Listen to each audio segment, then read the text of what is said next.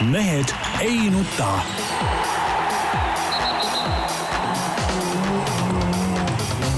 mehed ei nuta. selle eest, et mehed ei nutaks, kannab hoolt Unibet, mängijatelt mängijatele. tere teisipäeva, nagu ikka, Mehed ei nuta eetris, Tarmo Paju Delfist, tervist! Peep Pahv Eesti Päevalehest ja Delfist, tervist! Jaan Martinson Eesti Päevalehest, Delfist, igalt poolt mujalt ja kõik muu säärane ja ja tuleb siis tervitada paavsti, kes on nüüd meil külas käimas, nagu ma saan aru, ilmselt ta raadiost kuulab meie saadet või arvutist ilmselt. no pigem ma arvan, on põhjendatud see küsimus, mis meil siin loetud minutid enne saadet tekkis, et et eeldasime küll, et ta viimasel hetkel astub ikkagi sisse siit stuudio uksest ja, ja lööb kampa kõige tähtsama sündmusega, mis siin Eestis tegelikult toimub, ehk meie saate salvestusega.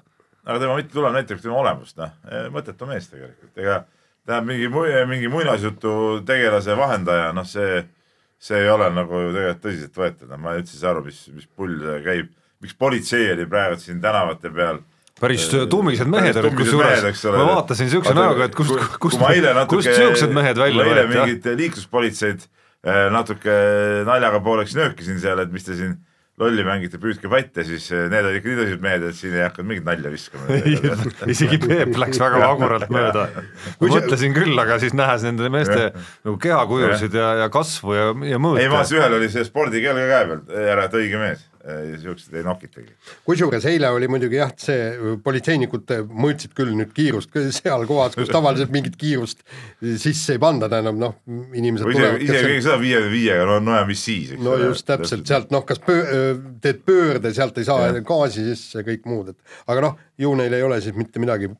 Eesti Vabariigis kõik korras, pätte pole, kõik on kinni püütud, nüüd siis. ei no Eesti Vabariigis ongi kõik korras, kui lihtsalt Äh, täiskasvanud äh, inimesed, ärimehed, ma ei tea, mingid muud inimesed võtavad nõuks hakata täitsa avalikult äh, mängima mingit seltskonnamängu, nimetavad ennast mingiks varivalitsuseks, jagavad mingisuguseid tiitleid, no see on, see on, ma tean, vaata tegelikult käivad ju ka need äh, mingid ajaloolised lahingud mängitakse läbi, seal saavad ka olla igast ajaloolised inimesed, siis kunagi mängiti neid kääbikute mänge läbi, seal inimesed võtsid endale neid, neid nimetusi, nüüd on siis järsku äh, Äh, mingisugune Eesti, Eesti kakssada tegelased äh, võtsid endale igast äh, ministri nimesid, tead noh. mõtlesid välja mingid ministeeriumid, mingid suht absurdsed, eks ole, ja siis jagasid ära ministriportfellid ja päris sihuke, sihuke huvitav mäng, et no ma ei tea, mitu, mitu ringi napsu seal ennem ära võeti, kui, kui selle peale tuldi nagu noh. ja siis, ja siis, mis on veel kõige hullem ja siis meie leht ka kirjutab ka sellest, see on täielik idiootsus ju noh. Eesti Päevaleht, tulge mõistma. väga hästi kirjutas Peep, mis sa jamad noh. miks me peame, no aga me teeme ka siin, nii, kas sellest keegi kirjutab, kui me teeme siin, et Jaan on äh, mingi tontuse minister, eks ole, sina oled siin mingi euronoorte minister ja mina olen siis no ütleme absoluutse tõe minister, noh. no see on, see on sama, sama jabur ju tegelikult, kui, kui see, mis need sa korraldad. no miskipärast usun, et kui sa nagu noh alati on kahtlus kõige puhul, mida sa suust välja ajad, on see kahtlus, et kas ta räägib nagu päriselt või, või mõtleb ka nii või noh, ajab lihtsalt nagu hullu, on ju. et ega paljud kuulajad, kes meil enam kui kümme aastat nüüd on kuulanud, ei ole siiani lõpuni nagu aru saanud. aga ütleme, kui sa nüüd tõsiselt-tõsiselt selle asja ära teed, küllap kirjutatakse meist ka. no see on, see on totrus, kuulge inimesed, tulge mõistusele. kuule ja Peep. varivalitsus no.. Peep, kuule ne-, ne-, neid tänapäeva. kunagi oli, oota ma räägin, kunagi oli see eksiilis oli seal mingi Ernst Jaaksonid ja vennad tegid seal nii-öelda väliseestlased, kes olid nagu ära põgenenud siis kodumaalt, eks ole. tegid seal enda arust mingid, hoidsid mingit eestlast üleval ja nagu kujutasid endale ette, et nad sellega nagu hoiavad nagu Eesti riigi järjepidevust. noh, sellest ma saan veel nagu aru kuidagi, eks ole, et seal proovisid midagi teha ja meestel nagu mingid vaated, see on ju see mingi täielik nali, noh. see on lihtsalt see isegi sõnu nagu on nagu vähe siukse asja jaoks. Peep, ma tahan sulle öelda, eks, et meie kajastame, meie kajastame. ETV näitab ka järjepidevalt nende lahingute läbimängimist kogu aeg, seal püssid pauguvad kahurid ja siis mehed jooksevad edasi-tagasi. pundis oli ka Igor Taro, Tarmo, kelle Moskva korteri suure toa põrandal me oleme sinuga nagu ööbinud mitmeid öid. ja, ja temaga koos, ma mäletan, käisime Äh, vist elu parimat Kiievi kotlet ja Porsche olen saanud sellest käigust, see oli siis Final Four, Euroliiga Final Four aasta oli siis kaks tuhat viis. ja viis jah, sest see oli see. Äh, võiduparaad oli suur täht, ümmargune jah. ja noh, Igor, kes nagu veel noh, nagu mõistlik mees on, nüüd ka tegeleb mingisuguste totrustega, no Igor, kuule, no kuule, tule nüüd ikka maa peal tagasi. kuule, aga äh, tahtsin ka siia vahele öelda tähendab täiesti põhjendamatult ja arusaamatult hakati öö, ründama öö, meie härra EKRE peameest Helmet öö, sellepärast, et ta ve- Vene Ve- Vene väljaandele andis mingisuguse intervjuu, kusjuures inimene räägib täiesti tarka, mõistlikku ja korralikku juttu. noh, ta ütles, et Venemaa on omaette tsivilisatsioon. seda ütles aga just, seda ütles ju vaadake, see on teistsugune koht kui muu maailm. ammu juba ütles Tjutšev, et eh, Venemaad mõistusega ei võta. Russi-, Rossiju umam ne ponjatja. see on punkt üks, punkt kaks ta räägib, et tuleb rääkida ja luua naabriga mõistlikud suhted. jälle õige jutt. nii, ja, ja igalt poolt öeldakse, et meid kaitseb äh, NATO ja kõik, mis siis Soome, Soomet äh, ju NATO ei kaitse, mis siis, mis siis nüüd Venemaale tuleb äh, vallutama Soomet või? Aga ei, nad saavad, Venemaaga on mõistlikult läbi, noh. Niinistö käib kogu aeg seal Putiniga väikest äh, tiritipskit tegemas seal, noh, neil on paar korda aastas oma mingid napsuõhtud, nagu ma olen aru saanud. kokku nad seal saavad, eks ole, kõik, kõik toimib. ja no eks see, eks see Kära Jaan, sa saad isegi aru, oli nagu selle suurem mõte oli see, et ta ikkagi mingil määral räägib venelastele ühte juttu, eestlastele teist Ei, juttu päris, seda ei, päris paljusid asju ta venelastele, pigem on küsimus, mida ta mitte ei, mitte selles, mida ta rääkis, vaid selles, mida ta ei rääkinud. et noh, ütleme nendel teemadel, mida ta Riigikogus kas või siin parlamendis, millega ta Jüri, millega ta. Jüri Ratasega nii-öelda seal sõnasõda pidas, neid teemasid ta Vene auditooriumi ei, see puhul loomulikult loomulikult see ei tihedam kontroll, see käis ka läbi sealt ju. ja, ei absoluutselt see käis? läbi muidugi. jaa, muidugi käis jaa, absoluutselt käis jah. et, et selles ma spetsiaalselt vaatasin, kuna see meie peavoolumeedia on ju EKRE suhtes nii kallutatud, siis ma pean alati üle kontrollima, mida tegelikult kirjutatakse Jah.. ja, ja see on see nagu ebareaalne. noh. ja, ja, ja, ja ja eile jälle vaatan seda Välisilma, noh muidu nagu tore saade, jälle see Arendi, kes tegi seda Rootsi, jälle alustas juttu sellest ja natsi minevikuga Rootsi demokraat jälle hakkas ajama mingit kuradi käojaani. ja kuule, tead, noh, praegu oleks öelnud, et äh, osta tikud ja bensiini ausalt, tead, et ei saa ühte mingit lolli juttu kogu aeg ajada, tead, natsi minevikuga. ja, ja kusjuures, kusjuures vaata selle Helme selle jutu peale häbi kuulata. hakka, hakkab mindki selle EKRE peale öö, poole tõmbama, sellepärast et öö, seal ta rääkis no, tõesti. jaa, ära jama nüüd, ära jama ei no ta rääkis mõistlikku juttu, väga õigesti ütles, et teinekord on targem suu kinni hoida, mille peale siis poliitikud hakkasid kohe lärmama, et mis, et Krimmi, Krimmi annekteerimise puhul suu kinni hoida. kas te kallid inimesed aru ei saa, et iga öö, mingisuguse koera haugatuse peale ei ole vaja lärmi tõsta. loomulikult suured asjad, seal sa räägid, ütled välja oma arvamuse, aga meil on ju niimoodi, et nagu Venemaa midagigi teeb, väikest pussu laseb sealtpoolt siis meil on kohe suured skandaalid ja kohe me lärma. jõle hea on, kui on NATO selja taga, tead nagu see väike koera on näpits, näpits ja jah, pere, peremehe kõrval tead, jõle hea on haukuda tead. nii ta, ei noh, selles osas ma olen muidugi nõus jah, eesotsas härra Reinsaluga, kes siin noh, veel eriti kõva meest mängib siin See Venemaa, Venemaaga suhetes, aga aga üldjoon, Jaan, ära jama, lähme ruttu Kossu juurde. ja kuule, lähme Kossu juurde, tähendab jah, täna on korvpalli meil saates erakordselt palju ja ja korvpalliliit käis välja masterplaani, et Eesti korvpallikoondis kaks tuhat kakskümmend viis EM-il kaheksa sekka ja, ja, ja mis iganes seal, nagu ma sain aru, kaheksa mängijat siis NBA või äh, Euroliiga tasemele ja, ja nüüd korvpalliliit kõike seda ise hakkab tegema, Jaan, Jaan, ma lihtsalt pean kohe sekkuma. käis välja masterplaani, sa seda plaani kuskilt näinud oled või? Ei no ma ei no plaani ei oli, oota kuidas, kuidas korrektne oleks öelda, käidi välja masterplaan, aga noh, plaani osad olid puudulikud siis. ei no plaani. Plaani kui sellist, noh- plaani kui sellist, ma ei ole kuskilt kuulnud, et plaani, kuidas, mida korvpalliliit saab selleks teha, et me oleks aastaks kaks tuhat kakskümmend viis EM-il kaheksa seas, ma seda plaani nüüd sellist näinud, see, et, et meil on mingid mängijad kuskil välisklubides ja ja, ja, ja ei tea kus, eks ole, mis see, mis see korvpalliliidu nii-öelda plaan siia siis puutub nüüd. ei oot, kas, oot, oot, kas korvpalliliit võtab nüüd näiteks mõne, no ma ei tea, praegult, no võtame äh, Neemet Loik, eks ole, kellel on hea raamkirjas, öeldakse, et võiks nagu USA-sse minna. et kas korvpalliliit võtab nüüd ja viib ta kuidagi NBA-sse või? et äh, ütleme, viib niimoodi, et hakkab äh, tema, temaga tegelema niimoodi, et ta saaks NBA-sse, ei saa, see ei ole ju, korvpalliliit ei saagi sellist asja teha Peep, Peep jällegi, miks ei saa, meil on olemas Varrak, meil on olemas Salumets, mõlemad väga head tugevad treenerid, nad lähevad võib-olla personaaltreeningut andma nii Ütleme-, nii sellele, teisele kui ka kolmandale. päevas on ju kaheksa tundi, ta saab kaks tundi ainult, ei, ei iseenesest korvpalliliit saaks üht-teist teha, küsimus on selles, et Mida selles oota, küsimus on selles, et selles nii-öelda plaanis ei olnud ühtegi tegevust kirjas. Ei, ei olnud tegevust no null aga tegevust ei, ei vabandust, üks tegevus Noh. oli, üks tegevus oli see, et äh, parandatakse minu arust üks nagu noh, väga suur viga, mis puudutas U kakskümmend koondist. Seda, et see No peaks et see peab, et see peab kindlasti välja Ei, no minema. see aasta oli, alati ei ole olnud, on ju, et, et ta peaks väljas olema ja peaks olema parimate jõududega Jah, väljas. okei. minu arust peaks ta alati olema parimate see jõududega väljas. ei vii meie mängijaid NBA-sse ja Euroliigaga no okei okay,, mingi pisikene samm, eks ole, et äh, see, millele Jaan vihjas natuke, tegelikult annaks ju veel teha mingeid regulaarsemaid laagreid, mingeid eritingimusi mingitele andekamatele selles osas, kuidas Nõus,, kuidas lugenud kuskilt kuidas mitte, midagi, kuidas nad saaksid mingit personaaltrenni teha või ma ei tea, veel Audentesesse veel lisa mingisuguseid mehed vahendeid näiteks. No aga veel lisavahendeid juurde sinna, veel parem ole toitlustus, no, no see on see, mida korvpalliliit saaks teha teoorias. aga me ei lugenud, kas sa lugesid kuskilt sellest plaanist midagi? seda ma alguses tahtsingi öelda, et seal ei olnud peale, peale selle U kakskümmend koondise, mis on ka niisugune nagu augutäide selles mõttes, et noh, see peaks nagunii olema nui neljaks. Ei olnud ühtegi tegevust tegelikult. et see masterplaan on siuke tore sõna ja, ja, ja tore on teha neid arengukavasid ja kõike, aga, aga, aga mind huvitab nagu, mis, mis see reaalselt selle taga on. seda ei tulnud tegelikult ühestki intervjuust välja, ei tulnud ju.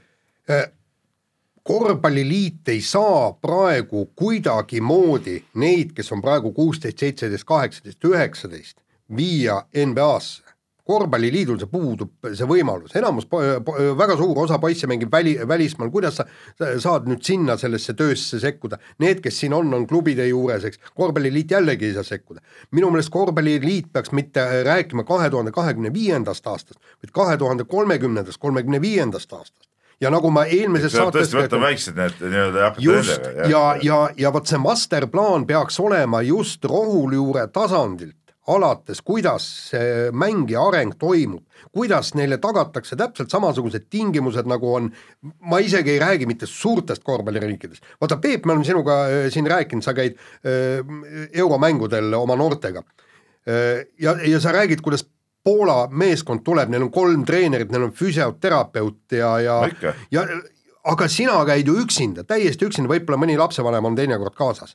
jah, ja see, see on. aga see ongi mu eralõbu tegelikult, meie klubi no vot, eralõbu. see ongi Just. see, kus see masterplaan peaks tegelikult Just. oma nagu sihiku tegelikult suunama ju. just aga täpselt, tegelikult ju räägiti sellest, et Audentes hakkas ka sedasama Euroopa noorteliiga U kakskümmend mängima, aga millegipärast ma ei näe neid seal jälle, tead noh. ei näe, sellepärast et klubid muidugi osad tahavad ise mängida, noh, aga sealt kindlasti oleks saanud mängijaid kokku, kellega sinna minna või võtta mingisugune nii-öelda noorteklubide koondis siis nendest kuttidest, kes ise ei mängi neid sarju ja minna, no ütleme, see on neid, neid igast variante ja, ja võimalusi küll, aga praegult selle nii-öelda masterplaani nime all üritatakse lihtsalt äh, ära kasutada seda hetke, et tõepoolest meil on olnud mingeid kutte, kes on nüüd läinud välja, mõned on Ameerikas, mõned on siin Euroopas klubide juures ja noh, seal ongi mingi lootus, neist tekibki mingi hea seltskond, aga sellel ei ole mitte midagi pistmist korvpalliliidu või selle plaaniga, seal mingi, seal ei saa isegi, kuigi Audentes püüab äh, vägisi korvpalliliit püüab nagu Audentese nagu seda silti seal mõnele mängijale juurde kleepida, aga see, kui,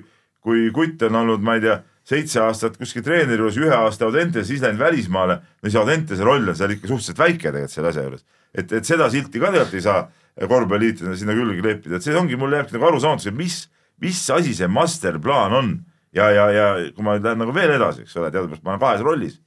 ma ütlen, mina klubi treenerina ei tea üldse mingist masterplaanist mitte midagi, et kas nagu, et kas, kas klubidele ei peaks seda siis tutvustama või? no ma arvan, et äh, on väga lihtne põhjus, miks sa ei tea sellest mitte midagi klubitreenerina. et seda plaani tegelikult sellises äh, nii-öelda detailsuse astmes pole lihtsalt. nojah, aga mis, millest me räägime siis? sest ka üheski intervjuus me ei räägi ainult ju, et käidi välja mingi plaan, kuskil mingi suur dokument, sellist asja ju ei olnud tegelikult ja üheski intervjuus, mis siin andsid Alar Varrak või Tiit Sokk, ei olnud ka ühtegi tegevust ju kirjas siiski.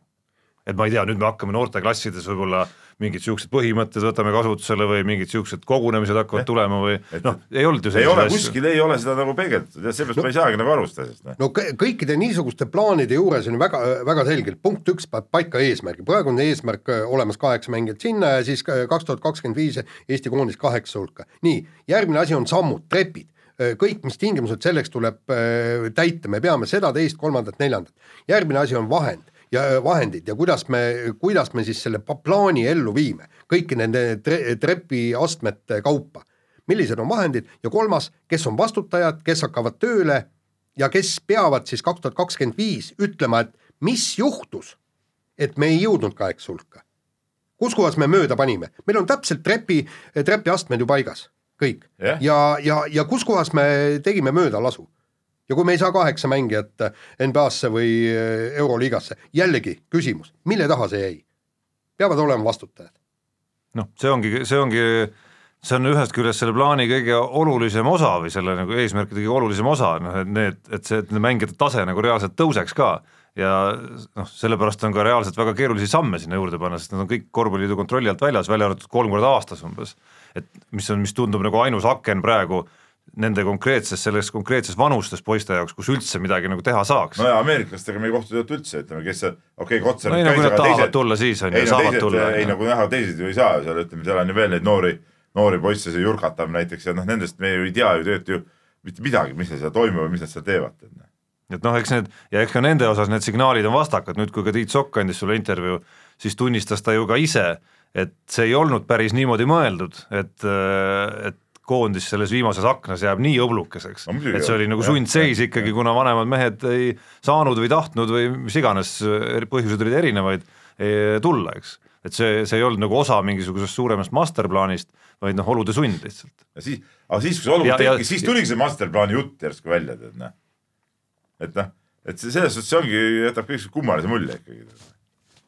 sina pead Tarmo kõige kõrvalt nagu hinda, et sul on võib-olla isegi kõik parem seda, seda, seda nagu näha nagu tegelikult, nii on ja noh, eks ma oma mõtted ütlesin välja. jah.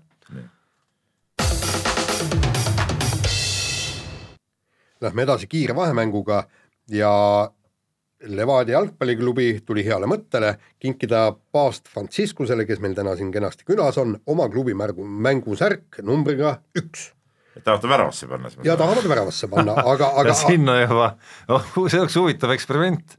ei no kas. Särk selga ja väravasse ja. kas jumal aitaks hoida siis värava puutumata? kuule, mäletad filmi Vanako Hotabitš, kui, kui need väravapostid liikusid ja, ja, ja siis lõpuks jäid kõik mängijad haigeks ja siis lõpuks tuli mingi üksteist palli, et igalühel oleks oma pall ja niisugused, et, et äh, samas äh, jumal suudaks ju kõike sedasama ka teha. Ja ma arvan, et, et ju- just väravas, ma vaatasin nüüd, eile oli äh, telekas väga palju saateid, ega ta üsna komberdab, ega tal jalad on üsna vana, vanad ja vaevatud, aga väravas seisaks jaa, ära Paavstil on ju vaata see sihuke mingi voodilina moodi kittel ka nagu ümber, et sellega on ka hea, sellega katab osa nagu ei, ei käed peab ikka särk ole, särk olema seljas, selles mõttes jääb peale, aga, aga alt see läheb nagu laiali, vaata sellega saad ka osa ära katta.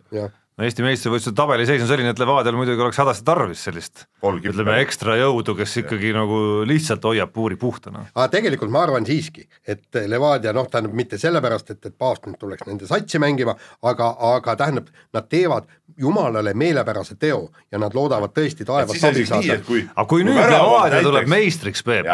Kas sa võtad kõik sõnad tagasi, mis sa Ei. oled siin meie koosolekutel oot-oot-oot, meie koosolekutel ja meie toimetuse koosolekutel siis. Jah. ja, ja siin saates öelnud, ütleme siis nagu jumala olemasolu või mitte olemasolu kohta, kui Levadia nüüd tuleb Eesti meistriks pärast siis, seda mul on särki,, mul on kindel asi, ma olen nõus kõik tagasi võtma siis, kui ma näen sellist asja, et kolmkipper ei suuda palli tõrjuda, pall lendab värava suunas ja siis jumal laseb siukse nähtamatu seina ette ja pall põrkub, ütleme enne värava piiri mitte millestki tagasi. vot siis ma Sa tahad imet ikkagi nagu näha. ei no, no aga aga mis siis jumal pidi olema kõik võimas ju. no aga äkki ta teeb seda peenemalt ikkagi No no, niimoodi, et aitab Levadia sujuvalt meistriks. see Peep, see oleks üsna võrreldav ime tegelikult, sest Levadial on päris pikk maa minna Nõmme kalju no püüdmiseni. see ei ole ikkagi see. ei, teeme niimoodi, lepime, lepime kokku, kui Levadia tuleb meistriks, on jumal olemas. ei, ei sihukest kokkulepet ma kindlasti ei tee. Peep kaheksa punkti, ei, kaheksa punkti, kolm ja pool võitu. kus sa nii Ei. palju võite said nüüd? kaks, kaks ja kolm veerand ei, aga mitte kolm ja pool, jah, vabandust, kaks ja pool ma tahtsin öelda. jah, ei ikka ütleme niimoodi, et, et siis, siis on võimalus, et jumal on olemas. no ei ole ju. ei on? no see no, nüüd selgub, nüüd selle, ma arvan, selle teema võtame kokku jaaniliku tõdemusega, et äh, kuidas see kõlaski, et, et ei no eks elu Eks näitab, elu näitab, elu näitab, kui. Levadia tuleb mina meistriks, siis on nii, alla ei kirjuta. no siis hääletame. me hääletame ja. Korras, kolm häält, kolm-kaks No no, see- võit. sa oled eksinud või millestki ikka saad väga valesti aru, huvitav, et sa ei õpi ka kuskilt, aga vahetame teemat. Ja ohohoo, on sündinud äh, Ameerika jalgpalli ajalugu ja, ja ka Eesti sugemetega, ehk siis aega võttis, mis ta võttis, aastaid äh, on voolanud ja, ja merd on veera-, vett on voolanud merre ja mida kõike veel, kõvasti, aga Margus Unt sai lõpuks NFL-is esimest korda ka palli puudutada. Jah, hurraa, ta esiteks lõi äh, vastata mängujuhil lõi selle palli käest ära, siis kattis oma suure äh, kehaga selle palli, see põhjustas nagu pallikaotuse, mis oli tegelikult kõva sõna. Aga, aga mis kõige kas ta enne, oota, kas ta NFL-is ühtegi korda pole seda blokeeringut ka teinud? ei, blokeeringut on jaa, ei no ole esimest ei no jah, no okei. okay., ei no okei okay,, aga see, siin, siin ta sai palli täiesti enda omaks, vot niimoodi ta võtab selle palli jaa, kätte. Aga eh, kas ma olen millestki valesti aru saanud või? Eh, tegemist on, eks ole, Ameerika jalgpalliga. jah, just. mis siis kätte võttis selle palli siis? no sellepärast, et Ameerika jalgpallis on lubatud ka kätega mängida. seda jalaga ei mängitagi ju mängitakse küll, lüüakse palli, jook-, mängijad siis roomavad või? ei, nad jalgade peal liiguvad. ei, aga tegelikult, kui me nüüd päriselt räägime, siis tõesti, hunt on kummaliselt head hooaega praegu tegemas ja valiti kohtumise parimaks esimesest kohtumisest ta oli nii-öelda parim kaitsemängija, nüüd valiti mängu parimaks. ja, ja kui me vaatame, kuidas need väljaanded seda hunti kiidavad, noh et no äh, kasu pole midagi, nagu ma aru saan. kasu pole midagi. sinu soperdisest lugesime välja. no absoluutselt, sellepärast et see pärast seda palli kaotust, mis see pall, hunt võitles selle palli ilusasti välja ja ei suudetud touchdown'i joosta, piirduti ainult löögiväravaga jälle ja, ja sinna taha kõik need äh, võidud jäävad. tegelikult jällegi, nagu Ameerika väljaanded ütlevad, peaks olema tänu jube kõvale kaitsemängujale, mitte ainult äh, hunt, aga, aga kogu kolts on väga hästi mänginud. peaks olema kolm võitu, null kaotust. tegelikult on üks võit, kaks kaotust. rünnak ei tule asjaga kaasa. vot see on probleem. nii, aga e, Malcolm Wilson siis M-spordi rallitiimi boss meenutas seda, kuidas Ott Tänak saatis ta siis kunagi päris pimedasse ja, ja, ja, ja koledasse kohta, aga teenis selle käiguga välja siis tiimibossi austuse. tegelikult, kui, kui me oleme kõrvalt näinud Otti, siis ta teinekord ta võib ka küllaltki tõre olla ja ma kujutan ette, eks, et, et seda olukorda Malcolm Wilson ütleb talle, noh, nagu pärast selgus, eks, et ütleb talle, anna gaasi ja sõida kiiresti. ja siis ta sõitis jälle auto vastu, vastu kivi või midagi puruks või, või, või sõitis rajalt välja ja siis sai Wilsoni käest sõimata ja Wilson saatis kõigepealt Oti sinna heasse kohta. nii, Ott läks välja ja tuli tagasi ja ütles, Wilson, mine õige ise, sa ise andsid mulle käsu sõita kiiresti ja suruda gaasi kõvasti. ja nüüd tuled siin ja. Äh, sõimama mind. ja see, ja selle peale vaatas, et see on ikka kuradi ma kaljune munadega vend, munadega vend jah ja. ja.. et aga, aga, aga see on ka see märge, et kui palju, vaata mingis korvpallimeeskonnas, jalgpallimeeskonnas, seal veel tead, eks, et noh, sul on lepingud kõik, aga sa oled niisugune noor rallisõitja. sul on ülemus, sul on noh, niivõrd väiksed võimalused kunagi saada tehase tiimi või, või suurde tiimi. ja sa võtad niisuguse südamest, lihtsalt saadad tiimijuhi perse. no aga teisalt jälle, ega niisugune käitumine ka ei ole nagu õige, mäletad Viljar Loori seda ikka legendaarset lauset, eks ole no ütleme need. treeneri käsk on täitmiseks, pärast jõuab arutada. ei no alles eile, alles, alles. aga see ei ole arutamine ei, aga seal ongi, kui treener annab mulle selle käsu, ma täidan, täidan, täidan ja kui ta hakkab aga mind selle täit-, ei no,, ja, ja kui, kui ta tuleb mulle pärast ette heitma seda, et ma täitsin ta käsku, loomulikult tuleb treener perse saata. nojah. no ütleme, noh, ütleme sellel võib olla erinevaid tagajärgi lihtsalt muud midagi. sellises kohas oleks jäänud ta viimaseks sõiduks. jah, et alles eile oli äh, õhtul ETV eetris see, mis see saate nimi on, Areeni varjus või no see on sportlastest tehtud nii-öelda nagu, sa oled näinud esimest osa vaatasid? esimest osa vaatasin, see oli igav saade, ma rohkem ei viitsi. no ühesõnaga mul jah, saatetehniliselt ma kindlasti noh, ütleme, kui sellest arutada, räägiks sellest pikemalt veel, aga aga seal äh, antud saates oli, oli, oli kohti eetris, no näiteks sama Martti Müürsepa NBA kogemus ja meenutus, kus ütleme, oluliselt väiksem asi kui see üks äh, äh nii-öelda B-sse saatmine, noh, ikkagi alustas siis tema NBA karjääri ikkagi nagu niisuguse allakäigukurssi ikkagi, ehk Miami'st minema saatmine ja Tallasesse saatmine. see intervjuu või? see intervjuu jah, kus ta siis kurtis, et mänguaega saab liiga vähe. no nii on. nii, aga võtame järgmise teema ja räägime taas masterplaanist ja Andres Sõbra masterplaanist, meie legendaarne korvpallitreener, ta ütles, et väga lihtne, anname koondislastele raha ja lõpetame hülgemöla. no põhimõtteliselt ka õige, vaat see on ka nagu konkreetne plaan, eks ole. ja nüüd, kui tehti mingi suur memorandum, kirjutati alla, et äh, kõik äh, klubid annavad mehi ära, tore asi ja õige asi, et vähemalt selleni jõuti, aga tegelikult äh, no seal mingid kindlustusrahadest ja asjadest juttu, aga no tegelikult kui vaadata, kuidas jalkakoondises, kuidas võrkpallikoondises saavadki mängijad konkreetselt ikkagi koondise soletud aja eest nagu raha, siis äh, sama teed peaks minema ka korvpallis. noh, kui lugeda seda, seda artiklit, mis sa ise kirjutasid nüüd juba rohkem kui nädal, vaid paar nädalat tagasi, erinevate pallimängukoondiste äh, mängijate tasustamisest või päevarahadest, siis korvpalliliit, seal oli kaks nüanssi, A korvpalliliit oli loomulikult kõige nii-öelda salapärasem nende tasude osas, jah. et kõige vähem avalikustas, aga sellest hoolimata kumas sealt välja, et võrdluses võrkpalli ja jalgpalliga äh, selgelt ka kõige vähem ikkagi nii-öelda panustatakse sellesse. absoluutselt, no ja võrkpall, võrkpall väga varjanudki, palju Just, maksavad. just, ja ja noh, ja, ja, ja ja siis- täitsa normaalselt just, ja noh, maksavad, ja kas just, kas see on nüüd nagu nii-öelda ainult see põhjus, aga kindlasti on see üks faktor, miks, miks on kõige raskem seal võib-olla siis mängijad koondisse saada. Andres Sõbra muidugi jutu mõte oli see, et näiteks Janar Taltsi saada koondisesse oleks võinud mõne sponsori juurde öelda, et äh, anna viis tuhat eurot, et paneme selle Taltsile, et las tuleb, mängib selle tsükli ära.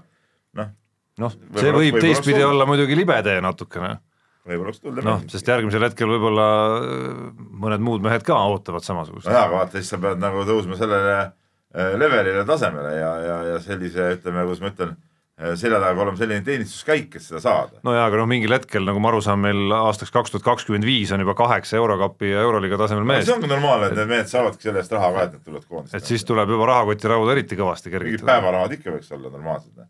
mitte ainult välismaal veetud päeva eest, vaid, vaid ikkagi kogu nagu päris rahad. jah, nii selles, suhtes õige. aga kiire vahemängu lõpetuseks rubriik Nädala Ronaldo ja seekord on meie lemmik Cristiano isiklikult selles rubriigis esindatud, ehk siis äh, Cristiano Ronaldo esimene punane kaart meistrite liiga ajaloos on tõsiasi, sest väidetavalt sikutas ta kukkunud vastast juustest. mis selles väidetavalt, no vaatasin videot, ta konkreetselt tutistas teda no. mis ta tutistas ei, saanud. pani pea korraks väi, väikseks hetkeks va- vastu juukseid ja no kuule no, ei, ei käega. No ei käega ta kuidagi rehmas sealt, aga no rehmas, aga mis tutistab? üsna arusaamatu. kuule, oota, Peep, kas sind on kunagi tutistatud, õpetajad on, no Ikka. kuidas ta siis võtab, ta võtab ikkagi siit siit, siit, äh, tagant lühikeste võtab lühikeste ja, ja tõstab su üles ja kõik väänab, eks. niisugust ei no olnud. jaa, aga no tema, ta ei no aga seda asja. noh., ei no, oskab ei oska, seda ei saa tutistamiseks pidada. see, see oli, kuule, kui no õpetaja, lühid seda teise juuksest siis. noh. ei no las nühib, kuule, kui õpetaja oleks ka tegi pai noh. jah, kui õpetaja oleks ka niimoodi tutistanud, jumal, siis oleks irvitanud selle peale ju.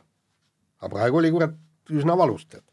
nojah, vot, aga, aga tegelikult see oli ikka väga kummaline, kummaline otsus ja anda nüüd punast kaarti, kollane. punane kaart oli küll see, ma nõus, et punane oli, oli muidugi kummaline, et kollasest oleks igal juhul pisanud ja, ja, ja oleks kõik, kõik korrased ja natuke naljakas vahejuhtum oli see minu arust ka lisaks kõigele, aga. ja nihukese asja pärast äh, mängija minema saata, vot mi- minu meelest on see jalgpalli kõige suurem probleem ongi see, et, et, et mingisugusel hetkel saadetakse mängija minema ja siis, siis ongi nagu nad peavad kas kümnekesi üheteist vastu või, või lõpuks isegi üheksakesi üheteist vastu. et noh, see ei ole minu meelest, see ei ole minu, minu meelest see nagu õige see ei, liiga palju mõjutab nagu mängu tulemuste tagajärgi, mitte mänguline olukord. huvitav, et Peebu mõtted käivad seinast seina, sest nüüd kohe, kui ma ütlen järgmise lause ehk siis selle lause, kuidas äh, äh, olete te tähele pannud, kui kiiresti nüüd meistrite liiga hooaja alates on hakatud siin ka varri järele igatsema, siis hakkab Peep kohe vastupidist juttu rääkima, et ei, et ikka tuleb Ei. austada ja need vead ongi mängu Ei, osa muidugi, ja ei, nii edasi, noh hetk tagasi sa ütlesid, kuidas ikkagi nagu äh, ei olnud hästi selle otsusega. no ei olnudki hästi, aga midagi teha pole ju noh. ei no ko- see on ju, Ko- ega kohtunikud elus tehakse ikka vigu noh. ja täpselt, aga nii lihtsa asja pärast Jah. saata öö, veel esimesel poolel saata mäng, mees minema ja rikkuda sellega mäng, kuigi Ronaldo Sats muidugi võitis selle mängu. no mis on ka tegelikult põhjus, miks ma ütlen, et minu arust meistrite liiga tasemel äh, arvestades neid äh, nii-öelda tähelepanu võimalusi, võiks see varr kindlasti ka olemas olla. vaat küll. nii, kõlli ka. nii, Peep ja kirjad. nii on tulnud kirju ja alustame kõigepealt nii-öelda nädala Jaani rubriigiga siin, sinna mahub, mahub mitu, mitu kirja. Episoodi, ütleme. mitu episoodi jah. ja, ja Eno Astrop kirjutas meile, tubli Jaan, suutsid tõestada, kui palju sa täpselt NFL-ist eh, tead ja, ja, ja kirja pealkirjas, kes tunneb Carlos äh, Ventsi. jah, no ütleme niimoodi, et, et jah, panin eesnimega müüda, mööda minu tava, tavapärasel moel, aga jah, nimedega. Carson Wentz on siis Carson tegelikult, Wentz, jah. Kusjuures minu arust, kui me kõndisime trepist alla siia stuudiosse, siis ta ütles veel mingi kolmanda nime. see ei olnud Carson, see oli midagi Ei, ma- pikemat ei olnud. Oli, aga aga teine asi on jah see, kahest et, nimestki koos. et, et siia, siiamaani ma pean äh, vaatama, kas on Aavo keel ja Aavo Põhjala, üks neist ma tean, et on ühe A-ga, teine kahe A-ga, aga ma pean alati seda internetist eelnevalt vaatama. nii, aga jätkame nädala Jaani rubriiki ja Erki Leemeton kirjutab meile Peeter Pihalt põhimõtteliselt ka sama jutt ja jutt käib siis äh, Jaani väitest, et kui Erki Nool oleks olnud äh, pikkust kümme sentimeetrit rohkem, siis oleks temast ka üle üheksasada punkti teinud. et äh, vihjates justkui värskelt maailmamärki teinud Kevin Maier oleks noolest oluliselt pikem. tegelikult on Maier noolest äh, ütleme üks kuni kaks sentimeetrit pikem ja põhimõtteliselt on see vahe olematu ja siin tuuakse ole välja ja siin tuuakse välja ka siis äh, äh, maailma kümnevõistluse top kümne meeste pikkused äh,. Maier sada kaheksakümmend viis kuni sada kaheksakümmend kuus sentimeetrit äh,, Eaton sada kaheksakümmend viis, Šeberle sada kaheksakümmend kuus, Dvoržak sada kaheksakümmend kuus, O'Brien siis tõeline hiiglane sada kaheksakümmend kaheksa, Thompson sada kaheksakümmend kolm, no Hinksen no äh, kaks meetrit, noh, see on, eks ole, läheb nagu süsteemist välja. Brian Clay sada kaheksakümmend, Nool sada kaheksakümmend neli ja Warner sada kaheksakümmend neli, nii et ehk siis, ehk siis äh, äh, kümme sentimeetrit rohkem, meeter üheksakümmend neli ja esikümnest kõigi aegade pikkuselt äh, teine mees. noh, mis asja sa jamad nüüd noh. ei, Peep, ma, ma räägin sulle, et noolel on ikkagi pikkusela nii üht kui teist jäänud, vaata tema kõrgushüppe seda? no teistel järelikult ei ole jäänud, see ongi personaalne. no kas noole kõrgushüpe jäi nüüd pikkuse taha või millegi muu taha? no aga palju ta oleks hüpanud sinu arust siis? noh, ta oleks ikka noh, ei, aga miks sa väidad, et pealt no, kahe hüppas, aga miks sa väidad, et noole kõrgushüpe pikkuse taha kui kõik teised need mehed, enamik nendest suutsid ju sama pikkuse juures hüpata kõrgemale. no see on lihtsalt minu tunne. saad aru, Jaan, Jaan, saad aru, kui jätame Inks, Inkseni äh, välja, siis äh, esikümne meeste, noh, tema on nagu väike anomaalia selle kahe meetriga.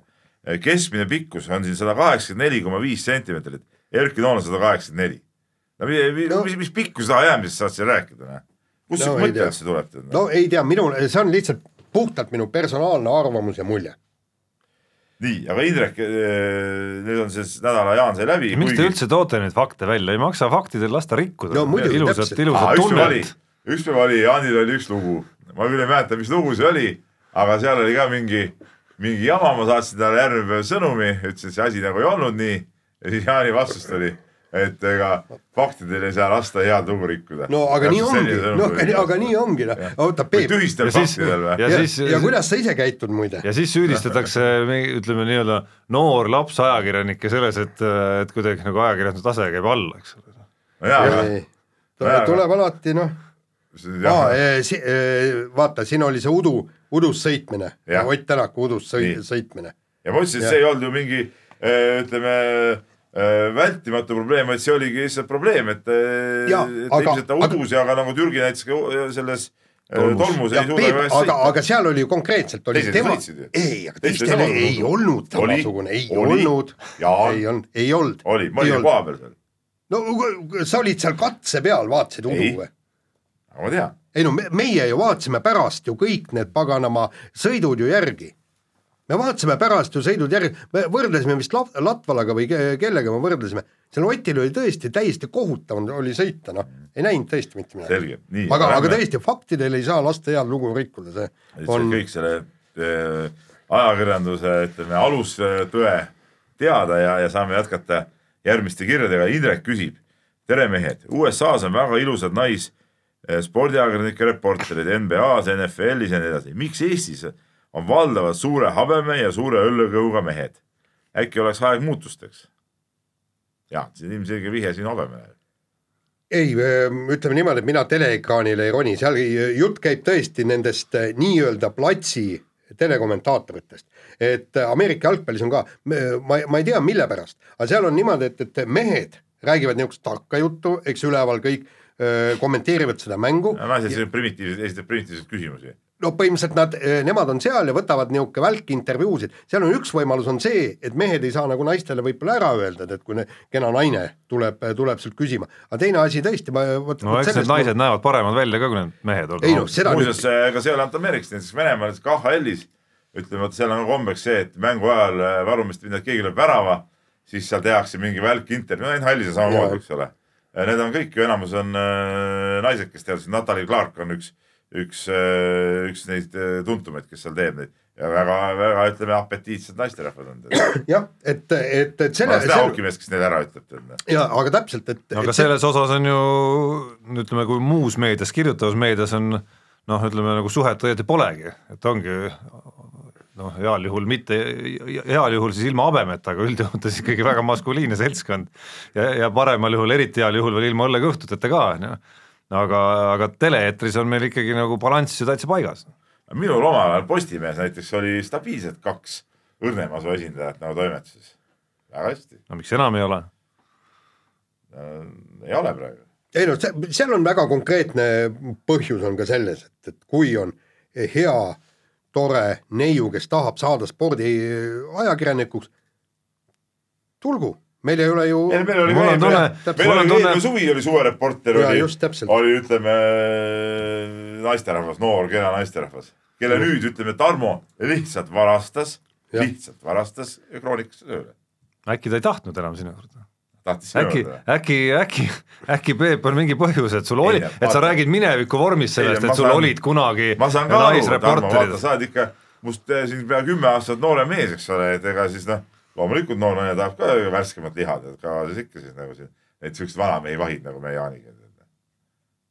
arusaadav kõik. ja kusjuures Tarmo, mikskipärast oled sa ka habet kasvatama hakanud, mis näitab, eks, et see tegelikult ei näita see peale selle mitte midagi, et ma lihtsalt ei viitsi ajada. ja miskipärast püüad sa oma kõhtu varjata selle lotaka kampsuniga. võime siis väike demonstratsiooni teha siin kõik kolm, vaatame, kuidas tegelikult on sul veel mõni kiri või? ja on ikka, ikka, ikka on. jaa, sest aeg surub tappa. Lähme siin nüüd ütleme spordispetsiifilise küsimuse juurde ja Kallel on tead päris huvitav küsimus. et ähm, WRC sarjas sõidavad päris paljud mehed prillidega, et miks nad ei kasuta läätsesid, avarii korral oleks ju ohutum. läätsed ralliauto rappumisel ei tohiks eest ära kukkuda, prilli kandmisel peab olema seega mingi muu põhjus. no äh, jaa, ei, ma, ma tean mina olen mõelnud näiteks, et New Will kannab ikka seda nagu pool päikse kaitse ka, see on ikka toonitud klaasidega prillid. nii äh,, Jari-Mati Latvala ju selgitas väga pikalt, miks ta prille kannab, ongi, temal on toonitud klaasid ja, ja tal tal tegelikult silmanägemine on täiesti korras, tal ei ole prille vaja, aga ta just kasutab prille selleks, et, et see valguse murdumine oleks parem, et ta oleks mugavam. Latval, Latval kaotab niisama ka prille minu arust. ei, ei, ei, ei, sellest ma olen oli näinud ta niisama käies prille peas. ei, aga ta ütleb null, null prillid, tal on null Aa. prillid, jah, okei okay.. jah. ja, ja tal on siis vastavalt kas sinised klaasid või oranžid klaasid või kõik need, et ja jah. no Neville kannab ka neid eh, värvilisi prille põhimõtteliselt. noh, kolmas nüanss siis prillikandjana, et äh, ilma, et ma rallist ülemäära palju teaks, on see, et äh, prillidega on lihtsalt mugavam kui läätsedega. ma arvan, päris paljudel inimestel ja paljudel prillikandjatel. mina ei kujuta isegi ette, kuidas ma lähed seda silma ja no ma olen läätsekandja siis, kui, kui ma trenni teen ja sporti teen, aga, aga üldiselt ma arvan, ma ei ole erandlik selles suhtes, et prillid on mugavamad lihtsalt silmas ja prillidega näeb tegelikult pisut paremini ka minu arust. nii, ja aga ma seda, seda ohuriski väga ei taju seal, sest noh, ütleme kiivri see, prillid jäävad kiivri sisse siiski, et ei no neil sealt- ei ole seda. ja ei ikkagi, aga noh, see kõik on väga tihkelt sealt, sealt nagu prillid, ma tahaks küll näha, kuidas sealt välja lendavad avarii puhul. ja aga nüüd võtame lõpetuseks kirju muidugi palju, aga ei jõua väga palju nüüd enam võtta, aga võtame ühe minu jaoks natuke arusaamatuks jäänud kirja Tauri poolt, kes kirjutab, et nädalavahetusel toimus boksi raskekaalu ilmselt eh, üks selle aasta tähtsündmusi. see oli siis eh, Povetkini ja Jossau matš, eks ole. samas meediakajastus ja kogu melu selle ümber on kuidagi kasin ja väga vaikne, ei olnud sellest kuulda ennem midagi ega ka pärast. no meie tegime küll enne ja pärast. meil oli suur eellugu lehes, võib-olla Tauri ei loe võib-olla siis äh, LP-d, äh, Päevalehe laupäeva väljaannet ja, ja aga samas see oli ka ju Delfis kõik olemas ja, ja matšist endast oli otseblogi, pärast oli kajastus, intervjuud, artiklid, nii et ma sellest äh, Tauri jutust nüüd küll aru ei saa, ta küsib, et kas oleks juba, et kas boks on kaotanud juhtpositsioonid MM-ale ja, ja kas asi puudutab vaadatavust, noh ja no ma kiire otsinguga tegin, et äh, septembrikuus, õigemini alates kahekümnendast septembrist on meil ilmunud üheksa erinevat ühikut, ütleme siis, Povetkini ja Joshua matšist, et jah, ma arvan, et seda ei ole vähe. palju või vähe, suhteline muidugi, aga Ei aga no piisavalt, vähe, vähe, vähe, ei ütleks, et vähe. nii, nii, aga lähme siis kindlasti tuleb palju rohkem, kui see matš Wilderiga ka Wilderiga. ükskord juhtub, aga meil on vist mõistlik sujuvalt minnagi sellesama teemaga edasi, sest jah, no võib-olla jah, siis jah, tõstame asja vahe, vahe siukse ringi.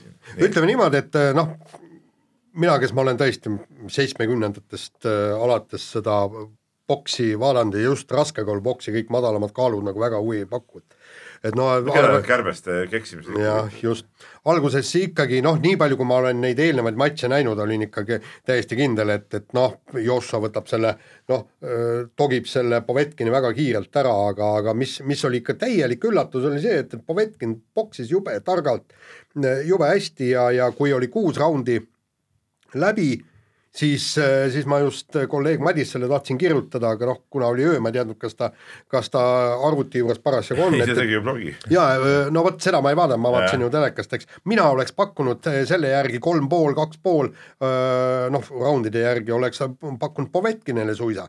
noh, ametlikud kommentaatorid ütlesid, seis on viigis kolm-kolm, eks, ma oleks isegi väiksem, ma ei tea, mis kohtunikud arvasid. aga ma oleks väikse ülekaalu Povetkini ja siis muidugi tuli ära ka, et, samas, mis, mis näitab ka seda Joshua jõudu, et tal, tal on vaja lihtsalt ainult ühte lööki selleks, et teisel mehel jalad nõtkuma saada ja sealt siis juba puhas vormistamise küsimus. just täpselt. ma, ma kahjuks algust ei näinud, ma olin, olin ära, jõudsin koju siis, kui matš juba käis ja, ja ma nägin just neid, nägin siis kahte viimast äh, raundi, no mis nagu matšis toimusid. et, et äh, seal juba Jossov ikkagi oli juba kõva, et ma seda Povetkini vägevust nagu ei näinudki, aga noh, ma lugesin sellest, et see jah, nii oli, oli olnud. noh, mis on see sümpaatne külg Joshua juures ja ma ei ole nüüd nii asjatundja, aga minu arust Wilderi puhul loodetavasti see matš nüüd ükskord leiab aset ka, on veel nagu testimata ala, ongi see, et Joshua on nüüd näidanud kahes matšis juba, et et noh, ta talub ka hoope ja ta ütleme noh, ütleme Povetkini vastu mitte nüüd väga keerulisest olukorrast, aga Klitško vastu ikkagi oluliselt keerulisemast olukorrast on suuteline nagu välja tulema ja välja võitlema ennast sellisest seisust, kus kust võib-olla nii mõnedki mehed ütleme noh, noh murduksid tegelikult. ja mis, mis muidugi Joshua puhul on, on veel, et noh, kui, kui me vaatame kõike seda, kuidas ta käitub enne ja kuidas ta käitub pärast seda poksimatši, siis mingil hetkel hakkad mõtlema, kas mees ei ole liiga pehme selleks, et noh, tõesti nii-öelda Tysoniga kokku minna, eks, et kes, kes on tõesti jõhker karm ja, ja päris niisugune noh, no kaak ikkagi kaak täielik. ikka täielik kaak, sellepärast et kõ- kõik need intervjuud, mis ta seal ja öö, jaa, pärast minu arust jälle, jaa, ma vaidlen siin vastu mm. -hmm. minu arust kõik see, mis see boksi ja mingid MMA meeste need, need enne matši ärplemised, mis on see totter täiesti. Ei, muidugi on totter, see on täielik totter. ja kui sa vaatad Jaan Boksi kas või raskekaalu ajalugu, siis see näi-, see on täis siiski ka tšempione, kes ei ole sellised Tysoni või ma ei tea, selle Conor McGregori sugused ajukääbikud, jaa absoluutselt nõus, aga, aga ma lihtsalt tahangi öelda, et, et tundub, et ta, Lennox Lewis kas või? ta suudab selleks poksimatšiks ennast Klitschkod niivõrd jah, just täpselt, ennast üles kütta ja ja, ja, ja see suud-, suudab seal ka piisavalt jõhker vajadusel äh, olla täpselt nii, nii nagu on, et et hästi huvitav, mis nüüd Wilderiga juhtuma hakkab ja aga mis muidugi asja kurbloolisuus jälle on, on see, et, et varsti saavad tal vastased otsa. Wilder ka veel, no Fury'ga võib-olla siis ka teeb ühe matši ära, aga siis on nagu jällegi kõik lagi ees, pole kedagi enam võtta, kes võiks talle korralikult vastu hakata. no vaataks selle Wilderi asja esmalt ära Vaatame ja siis siis räägiks nagu edasi, et vastased saavad otsa. nii, mehed, rääkige nüüd korvpallist eh, taaskord, et kas Tartu Rock siis, siis ikkagi on nii kõva, nagu, nagu eh, Peep siin väidab ja nagu seisud väidavad, et, et jube hea turniiri mängis ära ja siis mingi imeleedulane, eestlased andsid ka oma panuse ja ja kas, kas see jutt nii-öelda laste meeskonnast, kes on nii-öelda Audentes kaks, on ikkagi vale? no eh, esiteks, kas see Tartu on nii kõva, ega ma ei ütle, et nii kõva on, aga küll, aga ma usun, et jah, nad on kindlalt eh, medalikonkurentsis eh, kevadel, kui hakatakse Eesti meistrivõistluse medalid jagama, et eh, selles ühisliigas ma nagu ei näe eh, varianti, seal on kolm eh, väga kõva võistkonda eh, ees, Kalev, VEF ja Ventspils, et selles suhtes, aga aga mis, mis puudutab nüüd Tartut, jah, mul jäi väga hea mulje nendest, kui ma vaatasin nende, nende mängu. Seda, et siis mingi Audentes kaks on, seda ma pole kordagi nagu ei, ei sina, sina ei ole arvanud, aga, seal, sealt on aga- noh, kommentaarid olid aga arvestades olusid on kokku saadud päris normaalne kooslus, noh kaks leedulast, vaieldamatud meeskonna liidrid. lihtsalt meil Üks- korra hästi kiire vahelepõikena, umbes kolm nädalat tagasi, kui polnud veel peatreeneritki satsil, no siis nägi ta üsna Audentes kaks välja. no aga see oli teada, et Venega tehakse ära, tegelikult see oli ju, Vene lepingu tegemine oli ju selge juba ammu, sina tead ju teadsid, kuigi ma avalikult seda välja öelda. nii, mis ma tahan öelda Tartu kohta, et kaks leedulasest selget liidrit, üks mängune liider, noor mees, eks ole, Velitška ja, ja, ja teine siis sihuke, kuidas ma ütlen, vaimne liider või, või ütleme ka noortele meestele selline hea eeskuju nagu töömehena ja, ja, ja õpetajana, eks ole. et eh, pluss siis omad mehed korvi all, Gregor Hermeti tulek kindlasti väga positiivne eh, sihukesesse nooruslikku satsi ja saab seal palju mängida ja olla eh, väga hea käik, noh, Rain Raadik ka toetab korvialuse mehena, kes on Priit Vene jaoks alati olnud sihuke, ma ei tea, kas ta mingi lemmiklaps on, aga, aga no oli Pärnus tema juures ja, ja ta on nagu temaga nagu varem ka arvestanud. Pluss siis need omad noored peavad ju ka arenema, nii et, nii et miks ka mitte, noh, väga-väga hästi ja põhiline on see, et nad mängivadki ikka sihukest mängu nagu, nagu tänapäeval mängitakse, ehk siis proovid olla kiired, proovid olla agressiivsed, selge see, et seal noored mehed teevad ka vigu, selge see, et hoo jooksul tuleb seal ära kukkumisi, nagu ikka noortel kõikumisi, aga tervikuna minu arust väga-väga okei ja, ja, ja, ja tore meeskond ja, ja ma ei näe küll ühtegi põhjust, miks tartlased ei peaks minema seda meeskonda saali vaatama, et, et siin ulguda äh, mingitel teemadel, et meil ei ole seda tippkorvpalli ja, ja, ja pole midagi vaadata, siis see on äh, täielik äh, äh, ülge möla, nagu öeldakse, et, et selle võistkonna, seda võistkonda tasub igal juhul minna vaatama, et et see on meeskond, kellel kaasa elada, täpselt sama asi on, on Pärnus pärnakatega, kus ka on niisugune noorepoolne võistkond, noh, niisugused huvitavad äh, tüübid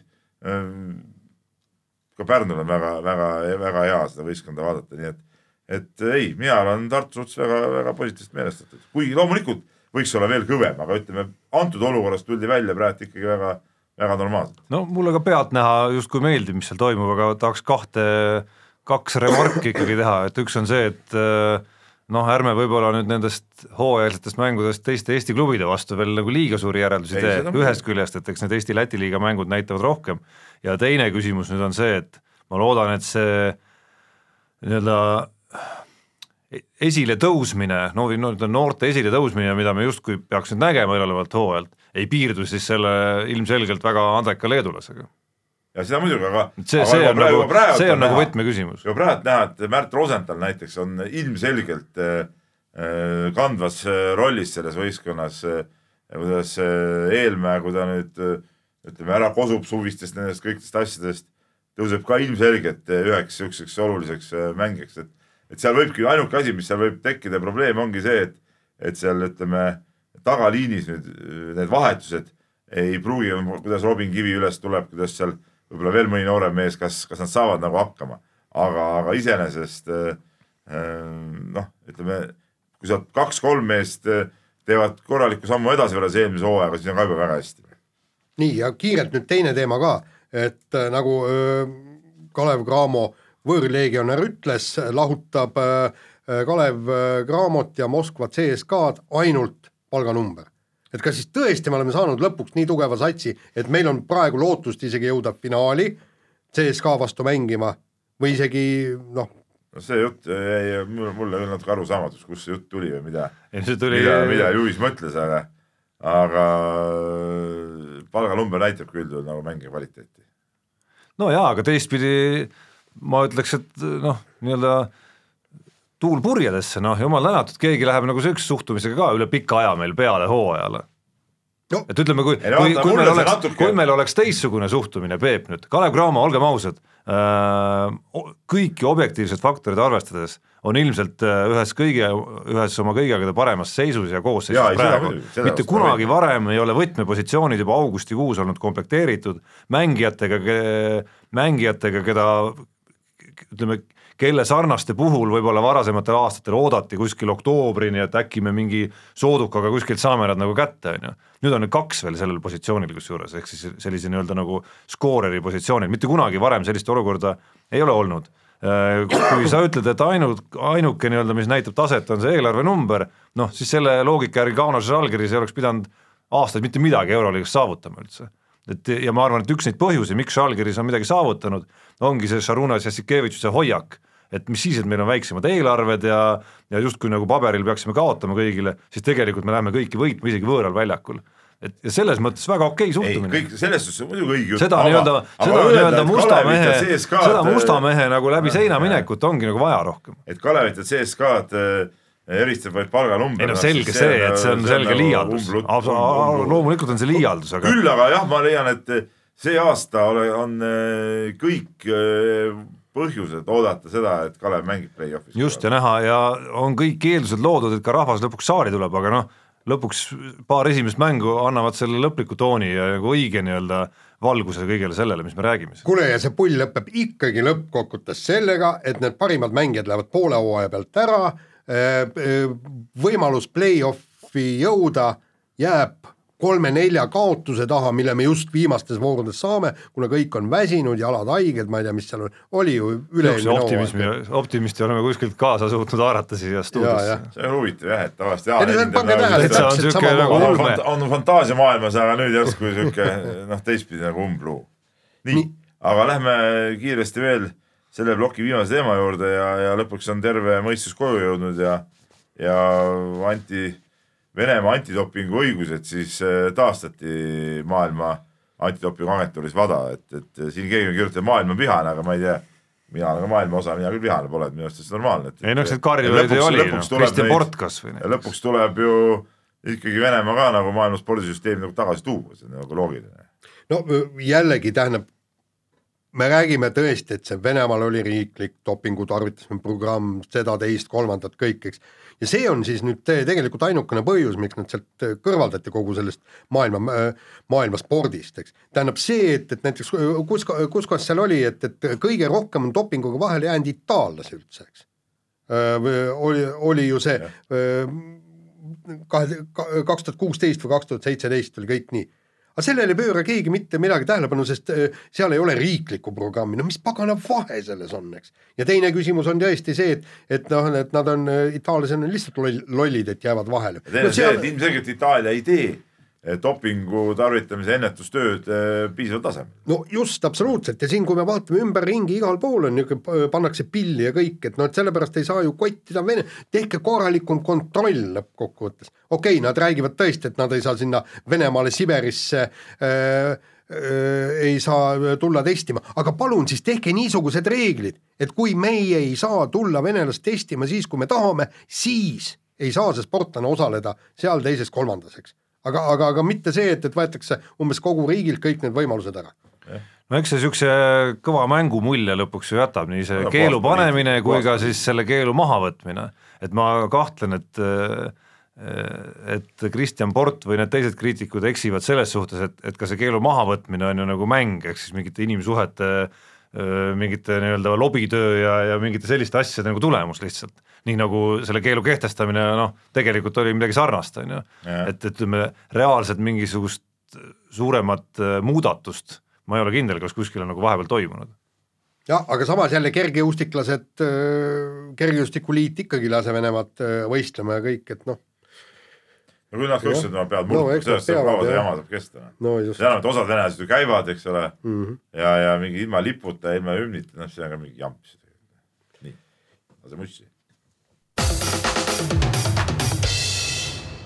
trummisoolo kuulatud ja räägime viimasest teemast ja viimane teema oli siis ajendatud äh, siin paar päeva tagasi ilmunud äh, artiklist, kus oli, tekkis äh, väga kõva diskussioon Norras. Ingebrigtsenite äh, kaks poega jõudsid medaliteni. Äh, keskmaa jooksus, pikamaa jooksus, kergejõustiku EM-il, eks ja, äh, Jakob võitis äh, kaks kulda. Varemgi medalit saanud. Jah äh,, aga tema oli siis see noor poiss, seitsmeteistaastane, eks äh, võitis äh, esmakordselt EM-ide ajaloos nii tuhat viissada kui viis tuhat ja siis tema vend Hendrik siis äh, viies tuhandes oli teine, kolmas vend siis, kes oli varem medalid võitnud, kukkus, et äh, või mingi probleem tal seal oli, jäi medalita. oleks meil niisugune perekond ja, ja niisugused lapsed, kusjuures sealt tulevad veel äh, veel üks tütar, kes treenib väga kõvasti, kaheteistaastane, viieaastane poiss, isa ütleb, et ta, mõlemad on piisavalt andekad, eks. ja, ja, ja järsku hakkas No- Norra rääkima niisugust juttu, et kuulge, et see on täielik jama, mis seal perekonnas tehakse, et see ei ole Norra tee. Norra tee tähendab seda, et lapsed tulevad, spordivad, tunnevad sellest rõõmu ja kui nad jõuavad tippu kunagi, siis on väga tore, kui ei jõua, pole hullu lahti, aga nüüd selgub, et äh, härra Ingebrigtsen treenib lapsi kui tippsportlasi juba väga-väga varasest peale et esimesed, esimest korda äh, lapsed käisid kaheteistaastaselt mäe, mäestikulaagris, mis on tegelikult jube, jubedalt kurnav. ja, ja kui see seitsmeteistaastane poiss räägib, et ma olen kaheteist või kümne, kümne või kaheksa aastasest peale, ma olen kaheksa aastasest peale, olen treeninud kui tippsportlane ja see tähendab seda kahte-kolme trenni päevas ja kõik muu niisugune. et mis siis nüüd on õige, kellel siis see õigus on, kas tohib lapsi nii, nii-öelda piinata selle spordiga või totter lugu selle arutelu juures on natukene ju, kas pole, Jaan, see, et nagu sa ise jõudsid ka, see oli sinu artikkel, eks? et nagu sa ise jõudsid selles nii-öelda kõrvalloos järeldusele, et et kui see asi õnnestub, siis on kõik justkui õige, on ju, aga aga samas on riskid ka väga suured, keerata seal ütleme, kas siis lapse, hiljem siis suure inimese tervise juures midagi, midagi nii-öelda tuksi või siis nagu vaimse tervise juures midagi tuksi. Aga selle, no samas, meil oma näide võtta, kas Kelly ja Henri Sildaru tee on täpselt sama olnud ju? Et kas see on siis Eesti sporditee või? Nemad on ju, treenivad ka, Henri Sildaru käib ju, ju õega käis kaasas juba, ma ei tea, viie-kuueaastaselt ja nad on kõik lapsest peale ju teinud neid võistlusi, istunud laagrit, nad harjutavad kui tippsportlased juba lapsest saadik. nii, kas see on Eesti sporditee siis ka või, saame samasuguse küsimuse üles tõsta ju aga, aga meil on siin väga hea näide, nagu ta, Tarmo ütles, Kristiina Šmigun ja Katrin Šmigun, üks jõudis tippu ja teine no jaa, pani siis, oma tervise no, nahka. jaa, aga loomulikult, aga see ongi nii, tippsport ongi selles suhtes karm, et ega sa mingit garantiid ju ei saa ju. Ja, ja aga no ütleme, see ei ole lõpuks süsteemi küsimus, vaid ütleme noh, Norras ma saan aru, on ta viidud nagu mingisse ühiskondlikku debati vormi, eks ole, mis, mis ma ei tea, kas see, kas see on nagu põhiküsimus, et lõpuks on põhiküsimus ju selles konkreetses lapsevanemas ja tema otsustas äh, ütleme siis noh, kuidas ta oma lapsega käib ringi sellel ajal, kui laps ise ei ole võib-olla ikkagi nagu päris veel nagu otsustajaks küps, eks, nende otsuste tegemiseks. no jaa, aga see, kui me sunnime lapsi ma ei tea, seal klaverit klimberdama seal nelja-viieaastaselt seal hommikust õhtuni, eks ole või, või paneme balletti tantsima kas see on siis õigem? samad küsimused, samad küsimused, ega küsimused on samad, sama põhjendatud. aga siis ei saagi ju midagi teha ju, mis me siis teeme, ütleme lapsed, ah vedelege kurat siin toanurgas ja ärge midagi tehke? Peep no., ma tahangi seda öelda, et tegelikult on sport on küllaltki leebe sellepärast, et tippu on võimalik tõusta ka siis, kui sa hakkad harjutama hiljem, nagu Gerd Kanter näitas. on. oleneb alast muidugi. ei, oleneb alast, aga see on võimalik balletis kui oleks hakata tõesti Gerd Kantri moodi nii-öelda tipptasemel tegema seitsmeteistaastaselt, sa ei jõua mitte kuhugi, täpselt samamoodi muusikutena. Et, et need on nüüd küll need, tegelikult on maailmas veel ja veel ja palju asju, kui sa tahad tippu jõuda, sa pead alustama verinoorelt. no ja see käib ja see päris tihti ikkagi, ütleme korraliku sunniga ka ja, ja hästi läheb siis, kui see käib kaasas ikkagi kuidagi nagu lapse kirega. tead, selle, see, see sunniga on ka nii ja naa, noh, tähendab, ütleme niimoodi, et see klaveri harjutamine, see on küll jube tüütu protsess, vot see on tõesti paras sundimine, aga tegelikult spordi tegemine, kui, kui treener ja lapsevanem suudavad selle äh, spordi nii-öelda lapseni viia, võta need sildur, äh, sildarud, vähemalt nii palju, kui ma kõrvalt vaatan, ma, ma, ma ei näe seal sundi. Nad võtavad selle rõõmuga, eks ole, see samas, ongi nende jaoks ju fun. jaa, samas, samas sa pead nagu siin, ma arvan, ikkagi vahet tegema ma arvan, sellel äh, noh, kuidas nüüd öelda, nüüd ma lähen Peebu teele natuke libedale teele siin, äh, hakates neid alasid võrdlema, eks, aga ma arvan, et äh, ütleme, vigursuusatamine ja ja ütleme, kestvussport on ikkagi natuke erinevad, et ühes ma näen lapse jaoks seda noh, seda nagu kirge palju kergemini tekivad kui ütleme mahutreeningutes. muide, aga siin ma jälle sulle ütlen. kas sa, ma ei ole seda Ingebrigtseni lugu nagu nii sügavale vaadanud kindlasti et kas need lapsed kaheteistaastaselt äh, nagu on nad nautinud seda või kui palju on pidanud neid nagu tegelikult sundima? no ma, mina vaatan, meil on see, mis te, Laagoda, ta on ka ju vist kolmeteistaastane ja, ja kõik, kui ma seal vaatasin, see no tüdruk noh säras, ta, ta ütles jaa, ma tahan joosta, mulle see jubedalt meeldib. et neid on ja, ja kuidas nad on sinna juurde viinud jalgpalli mängides, eks ta alustas ju tegelikult jalgpalliga ja siis noh, nagu vanematega rääkisin, ta hakkas öö, kõigepealt nelisada meetrit, siis sealt kogu aeg distantsid pikemad. järgmine küsimus on see, et need kestvusalade sportlased, minul seda, seda asja ei ole, aga nii palju, kui ma olen rääkinud nii jalgratturite, suusatajate kui jooksjatega, neil on see, et, et nad sellest pingutusest saavad niisuguse samasuguse naudingu nagu teine, teine paneb öö, to, seda paganama narkootikumi, ka ja. mingid dopamiinid seal vallanduvad ja kõik, eks. Et nemad saavad selles naudingut, nad tahavad absoluutselt, mul on teha. üks peretuttav näiteks, kellel on äh, kui ma vist eksin, vist läks kooli, nüüd läks seitsmeaastaseks sai, läks kooli, hästi pisikest kasvu poiss, kes on, ema on tubli rahvasportlane ja siis see poiss on seal nii jalgrattal kui joostes igal pool kaasas olnud kogu aeg ja on, ongi ise tahtnud kogu aeg näiteks, nagu tohutult nagu oma eas tegelikult ees igasugu nagu just niimoodi kestvusaladel ja jooksmises ja selles. ja kuskilt ei paista välja, et seal mingi sundus oleks kaasas. aga, aga, aga mis on kõige kurvem, vaata, kõige kurvem on see, kui meil on niisugused andekad lapsed, kes tahavad hirmsalt seda sporti teha ja mitte, et, et neile ei võimaldata, aga neid ei toetata kõrval nii palju ja, ja neile ei, ei anta võimalust jõuda omal alal kunagi tippu, noh kui vana, vanemad on tõesti võib-olla ükskõiksed, et noh, ah jah, käi seal trennis kõik, eks, noh, võib-olla sind varustust ei osta või midagi niimoodi, kui laps tahab seal võistlustele minna, ei viitsi temaga kaasa minna, vot see on minu meelest äh, palju kurvem. Jaa, absoluutselt, ei mina, minu arust see sihuke äh, debatt, nagu sa Norras lahvad, see on üldse nagu mingi absurdsus.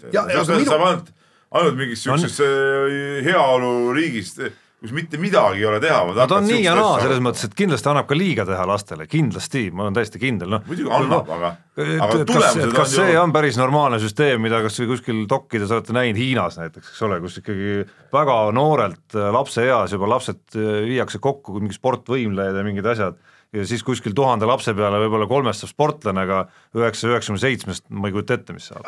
aga, aga nii ongi, sportvõimlemine on jälle üks niisugune ala, kus sa pead jube noorelt alustama. tennis, tennis on see, iluvõimlemine on see, tegelikult isegi ujumine on see, et nende ei no jaa, aga samas Ingebrigtsenite tulemus ju näitab, et et kõik on hästi, eks ole, kõik need poisid on saanud ju, no me ju tea, medaleid. no me ei tea täpselt, no, vanemate poiste osas me ei tea täpselt ju mitte midagi nende mingisugusest tervisest, hingeseisundist, millest iganes. ei, aga see no ilmselgelt on näha, nad olid õnnelikud nende medalite üle ju. ei, aga, aga seal on ka, ka kaks venda, kes ei ole medaleid võitnud, aga ei, aga nemad ütlesid ka, et okei okay,, et neile ei sobinud see tippsport ja neid ei hakatud sundima, ei meeldi. no siis on, siis tundub okei okay täiesti. et nii, nii see on jah pereliikmed ja kõik nii, aga, aga tegelikult just, et vaadake, kui teil, teil on, viige laps spordi juurde, kui tal on spordi, spordihuvi, siis, siis tõesti aidake kõik, kõigiti sellele kaasa. et küsimus ei ole võib-olla mitte, mitte see, see ei ole tõesti esmatähtis, et tippu jõuab, aga see, et, et noh, laps on tegevuses, ta teeb seda, mida ta tahab no tervis, enesekindlus, sõbrad, kollektiiviga arvestamine, noh, kui see võistkonnaala eriti näiteks. jah nii et ja, ja võimalikult noorelt, ei ole midagi, nelja, kahe, kolme, nelja, viieselt, jah, kahe, kolme, nelja, viieselt pallid kätte, golfikepid kätte nagu Tiger Woodsile. ei no golfikepid küll mitte. ja see, ah, hokikepp võib, see ja hokikepp võib, et see tuleks nagu välja lõigata, ütleme saate järele kuulame see golfikepi jutt, et see nagu ei. mis sul selle golfikepi vastu on, ma usun, et sa oleksid sa oleksid päris õnnelik, kui sul poiss ei. Tiger Woodsi sarnase karjääriga ei. maha saaks. ei, sest see pole sport. vahet pole sport või mitte. on no, aga kui ta oleks balleriin? ei. miks? kõverate varvastega käib ringi. no aga kui ta oleks dirigent, kuulus, klaverimängija mängija? see, need ei ole mingid asjad, sport on see, mis, sport on jumal. oh, õige jumal on sport. selleks on saade lõppenud ja kuulake mind nädala pärast. mehed ei nuta